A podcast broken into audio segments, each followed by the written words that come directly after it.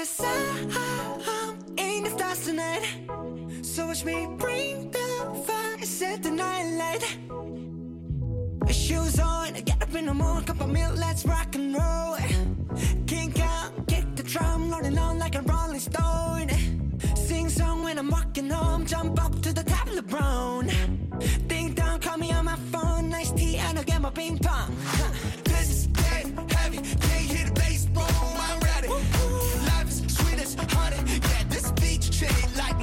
Penedès Gamma Extra, amb Clara Bosch.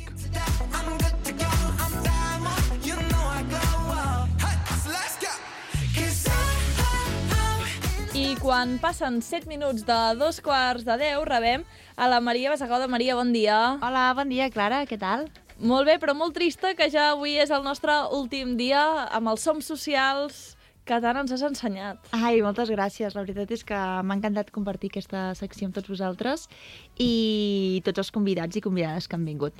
I avui no estàs sola igualment, o sigui, acabes amb la cirereta del pastís. A més, ens parlaràs d'un tema que estem tots molt expectants, tot i que ens costarà molt entendre'l, eh? també t'aviso. Sí, no, en parlarem amb, amb un nivell molt per principiants. Uh, traurem una mica la bola del futur, farem prediccions, a veure què pot passar i parlarem de la tecnologia blockchain amb una persona que qui em conegui una mica ja també coneixerà, que és el Lucas Puerta. Bon dia, Lucas. Bon dia.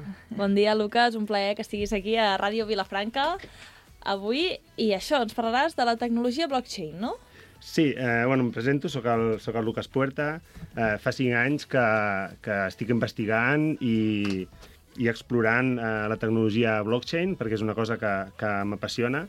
Eh, recentment m'he certificat com a arquitecte de solucions blockchain i estic supercontent de- d'estar aquí avui amb vosaltres per poder parlar d'aquest tema, que és un tema que la gent no coneix i que ens aportarà moltes coses bones en un futur, perquè amb aquesta, quan parlem de, de blockchain estem parlant de futur. Uh -huh. A veure, la gent no ho coneix, però sí que és cert que, que des de fa, jo m'atreviria a dir, 9 mesos, que és quan va sortir, es va inaugurar el Centre Blockchain de Catalunya a Girona, uh, anem veient notícies cada setmana no, relacionades amb aquest tema. Per tant, és un tema que no es coneix, però que ja comencem a parlar-ne. No? El que la gent potser sí que coneix és el bitcoin, la criptomoneda, però ara recentment també tenim el tema dels NFT. Però abans d'arribar a això, que en parlarem després, explica'ns una miqueta què és blockchain i posa'ns un exemple que tots puguem entendre, d'alguna cosa que sigui més tangible.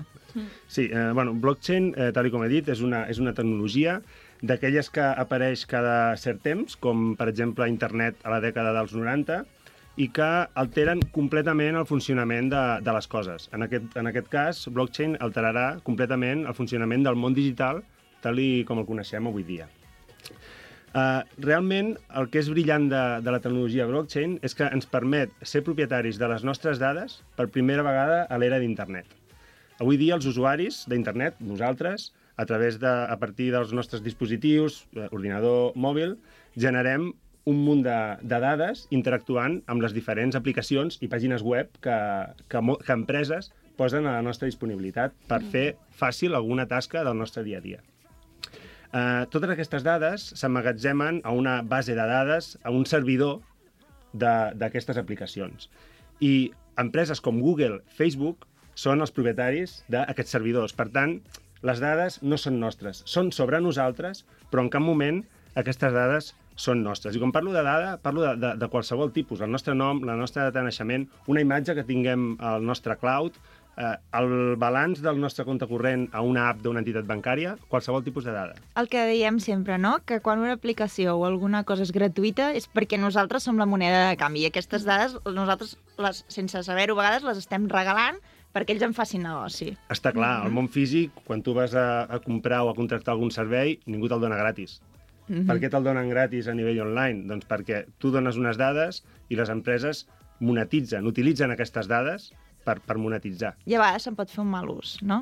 Hi ha casos eh, en l'última dècada de molts mals usos, com per exemple el, el cas de les filtracions de dades de Facebook, entre molts altres, Uh -huh. i, i diguéssim que eh, aquestes dades eh, no són nostres, ells tenen el, el control, podrien accedir, poden accedir quan vulguin, fins i tot podrien arribar a eliminar-les, i això és degut a que l'internet, tal com el coneixem avui dia, funciona sota el que se'n diu un sistema centralitzat. Uh -huh. Abans d'anar una mica més endavant, ara estàvem parlant això de que ells es queden les nostres dades no? i llavors les monetitzen. Com poden treure'n profit d'aquestes dades nostres? Com ho aconsegueixen, això? Bueno, doncs, per exemple, el cas més clar és Google. Uh, Google, uh, diguéssim que ens dona un munt de plataformes amb les quals nosaltres interactuem, deixem un munt de dades, Mm. ells tenen aquestes dades a la seva, a la seva base de dades Mm. i uh, les estan, diguéssim, venent a empreses per publicitar-se a través de les seves plataformes. Clar, llavors els típics anuncis que dius, ostres, estic, com, estic preparant-me una casa nova, llavors tot de mobles, Sí. tot de tot just el que, el que necessito, el que vaig dir l'altre dia amb aquesta amiga que necessitava i que a vegades sembla que s'avancen i tot a les teves prediccions. Correcte, això, Totalment. això fa molta por. Eh, amb la tecnologia blockchain ens permetrà eh, ser propietaris, ja ho explicarem, ens permetrà ser propietaris de les nostres dades i si realment volem que empreses com aquestes accedeixin a elles, nosaltres li haurem de donar permís. I si nosaltres li donem permís, podem exigir un micropagament. No estem parlant de, de molts diners, però sí que un micropagament perquè ells les utilitzin i ells les consultin. Mm -hmm. Posa'ns un cas d'ús, una cosa senzilla que pugui entendre tothom. Sí, abans, abans d'això, eh, aclarar que el que realment ens permet blockchain és representar qualsevol tipus de dada, de, ja sigui digital, i ens permet emmagatzemar-la a, un mini, a una espècie de miniservidor que se'n diu wallet, de manera que ara sí aquestes dades són nostres. De wallets, eh, bueno, quan hem preparat una mica l'entrevista, eh, n'hi ha que són privats i n'hi ha que són públics, no? Sí, bueno, els, els wallets, diguéssim que tenen una part privada, que tu pots conservar la privacitat d'aquestes dades, i tenen una part pública que eh, tu podries ensenyar aquestes dades a algú altre, per exemple, el que estàvem dient, el cas de Google, perquè les consulti Mhm. i pugui fer-ne i pugui fer-ne ús. És a dir, pots seleccionar quines vols que es vegin i quines no, que ara quasi que les, les ensenyes totes, no? Poses No totes són- les cartes sobre la taula. No, no són teves, No estan, són- no en fan- tens ni fan una. el que volen. No en tens ni una. ja, ja, canvi, no en som és molt- conscients d'això, és interessant. El canvi sí, és sí. molt gran. I una altra cosa que et permet blockchain és que aquestes dades, si són, per exemple, el teu nom, que és un atribut teu, evidentment quedarà eh, registrat al teu wallet, però hi ha un altre tipus de dades que jo a lo millor te les puc transferir. El blockchain ens permet, per primera vegada a la història d'internet, transferir una dada d'un usuari a un altre sense haver de passar per cap intermediari. Posa'ns un exemple d'això. Sí, mira, per exemple, un... imaginem-nos un promotor que eh, d'un concert, vale? i aquest promotor, eh, habitualment, eh, en el passat, doncs creava unes entrades físiques, tu anaves a la taquilla, compraves una entrada, do, compraves dues entrades, aquelles dues entrades eres te, eren teves, tu havies quedat amb un amic i una entrada li donaves al teu amic. Vale? Mm. Físicament, al món físic, està clar que quan tu li dones l'entrada al teu amic, aquella entrada és d'ell i jo em quedo una entrada. Però això al món digital no es pot fer. Perquè si un promotor actualment al món digital emet X entrades, mm. les envia per e-mail. Quan envia una cosa per e-mail ja està passant per un servidor com Gmail o com Hotmail. Per tant, van quedant còpies d'aquest PDF, que normalment és un PDF amb un codi QR, per tot arreu. Algú te la pot interceptar, eh, quan jo li envio aquesta entrada a un amic, jo em quedo una còpia i el meu amic en té una altra. Hi ha moltes còpies repartides per internet d'aquesta entrada i alguns la pot in interceptar i utilitzar-la abans que, que nosaltres. En blockchain, com este, aquestes entrades les estem representant eh, dins del nostre wallet i són nostres, quan es mou no es pot fer cap còpia. Si jo en tinc dues i li passo al meu amic, el meu amic en té una i jo en tinc una. No queda cap còpia en lloc. Mm -hmm. I això és, la és una de les genialitats de, de la tecnologia blockchain. Wallet és com una cartera, no? Ho trec de la meva cartera i t'ho dono a tu, és evident que jo la meva cartera ja no ho tinc. Correcte. Que en canvi Gmail ens queda... I després ens envien 200.000 missatges que quan compres alguna cosa i t'ho tornen a enviar i t'ho tornen a enviar i això també és molt pesat i, i crea moltes dades innecessàries, no? També. Correcte. El que vol, el que vol blockchain és eh, emular això que es pot fer en el món físic, de jo et dono una cosa i ja deixa de ser meva, perquè jo, jo, és l'autèntica i tu la tens, eh, ho volem simular al món digital, a internet, que fins ara no es podia fer. Com al final l'autenticitat, no? De preservar aquesta única uniquicitat, Correcte. no sé com es, com es diu. I m'està entrant un dubte que és que, llavors, si ens adaptem a aquesta tecnologia de blockchain, haurem de comprar un altre tipus de telèfons o es pot adaptar ja als telèfons que tenim avui a dia? El telèfon serà, serà el mateix, l'aplicació mm. serà diferent i la idea, evi- evidentment, eh, tot el que hi ha per darrere, tota la tecnologia que hi ha per darrere, eh, a nosaltres no ens interessa, serà, serà molt diferent, però la gràcia és que nosaltres, amb els mateixos dispositius que tenim ara, de fet ja, ja es pot fer, eh, interactuem amb, amb aquesta tecnologia blockchain sense nosaltres notar cap canvi.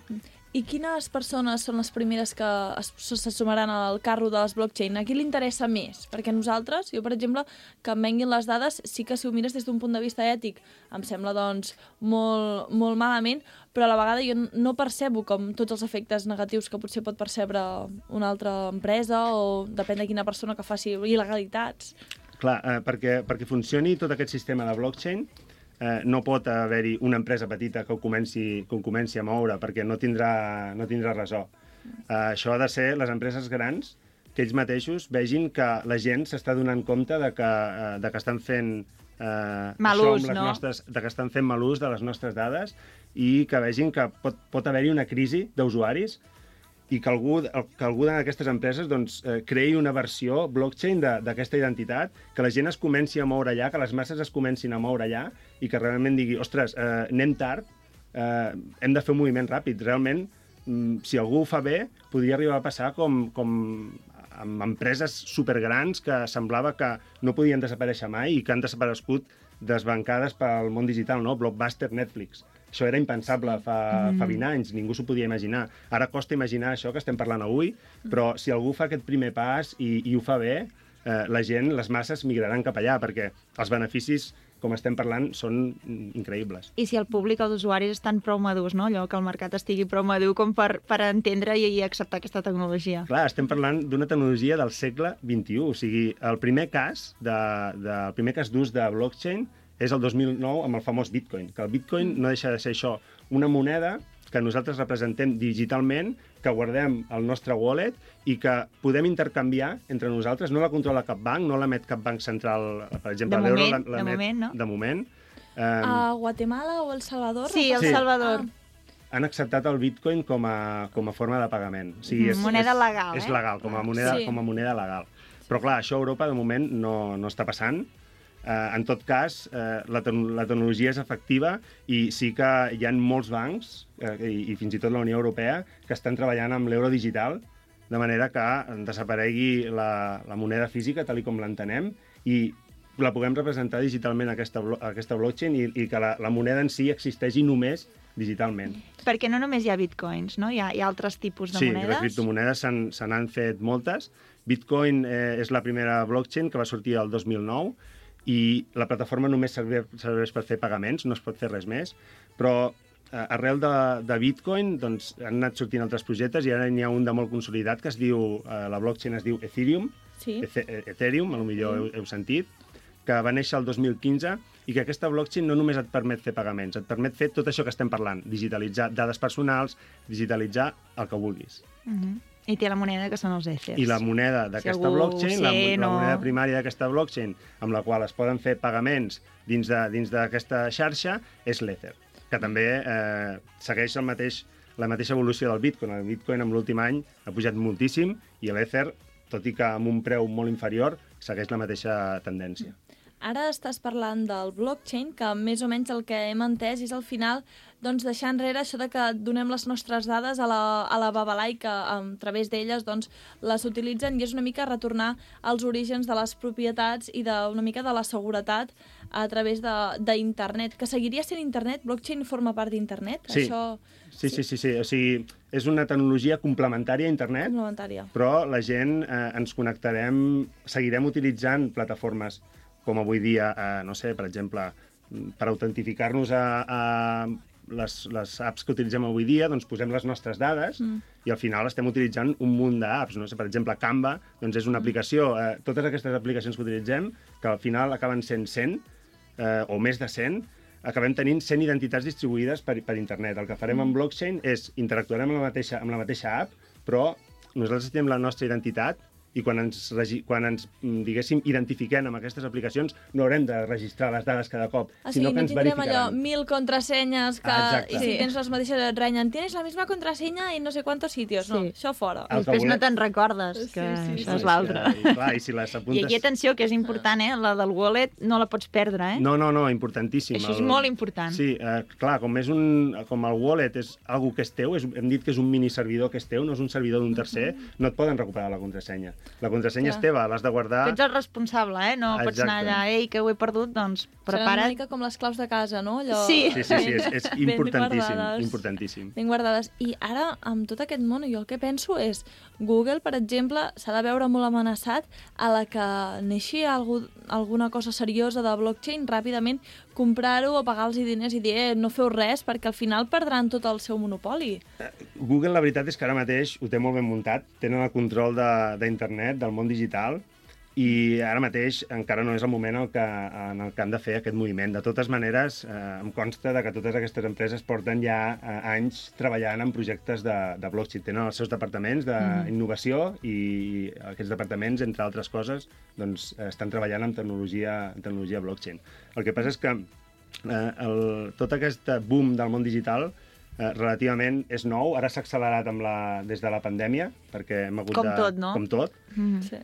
I, bueno, doncs, eh, hi ha molta gent que ho està descobrint ara. O sigui, hi ha molta gent que diu que l'e-commerce és el futur, quan, si ens ho mirem bé, L'e-commerce ja- l'e-commerce és el passat, no? Eh, vull dir, està, està molt, molt consolidat. En tot cas, és el present. El present, sí. El diguem- moment és diguem el present, passat, eh? No, és, és el present, sí. que l'e-commerce, recordem, és quan es compra per internet i doncs normalment t'arriba a casa o el vas a buscar a algun lloc. Amazon seria el referent de l'e-commerce Correcte. al cap, al cap i a la fi. Mm, ens pots explicar una mica? Veiem que això és molt futur, etc etc. Les grans empreses, evidentment, que tenen departaments treballant i fan inversions, etc etc. però tu estàs uh, treballant amb, amb alguns projectes que ens podries, ens podries explicar una miqueta qui, qui són i qui els lideren, perquè alguns són persones doncs, que són, són d'aquí, de, de Catalunya i molt a prop, no? Sí, nosaltres ara estem creant eh, l'UMA Blockchain, que és una, és una consultoria que pretén apropar l'adopció de la tecnologia blockchain a empreses i, a, i als ciutadans. I dins de, dins de l'UMA Blockchain tenim dos partners principals. Un és Factual Consulting, que és una consultoria de mobilitat liderada per, eh, per una persona que viu, que resideix a Vilafranca, el Josep Laborda, que és el, és el CEO, i el que fan és eh, desenvolupen projectes eh, en el sector de la mobilitat, com millorar la mobilitat. Actualment estan treballant en un projecte de, de formació perquè ciutats, eh, fabricants de vehicles, eh, serveis de mobilitat, de, per exemple, de Barcelona, coneixin aquesta tecnologia i es pugui crear un ecosistema on tu, amb una sola identitat digital, puguis accedir a tots aquests serveis sense haver de registrar-te cada cop a un, ara d'agafar un patinet amb registro, ara d'agafar mm -hmm. un taxi amb registro, ara d'agafar mm -hmm. un no sé què amb registro, crear com una identitat digital única i que no hagis de posar les teves dades bancàries cada cop i tinguis llibertat, l'usuari tingui llibertat perquè per poder utilitzar tots aquests serveis públics, eh, tots aquests serveis de mobilitat que milloren, que milloren la contaminació i milloren tot sense friccions. No, i a part d'una manera més accessible, no? Per la gent gran, que no han d'estar tota l'estona posant mil dades, Correcte. per gent que puguin tenir algun tipus de discapacitat doncs, motriu o visual, o el que Exacte. sigui, també es facilita la vida a, la, A- a les persones, a que al final per- és important. A una persona gran doncs, eh, li configuraran el seu wallet i amb aquest, amb aquest wallet podrà anar a tot arreu com si fos el seu DNI.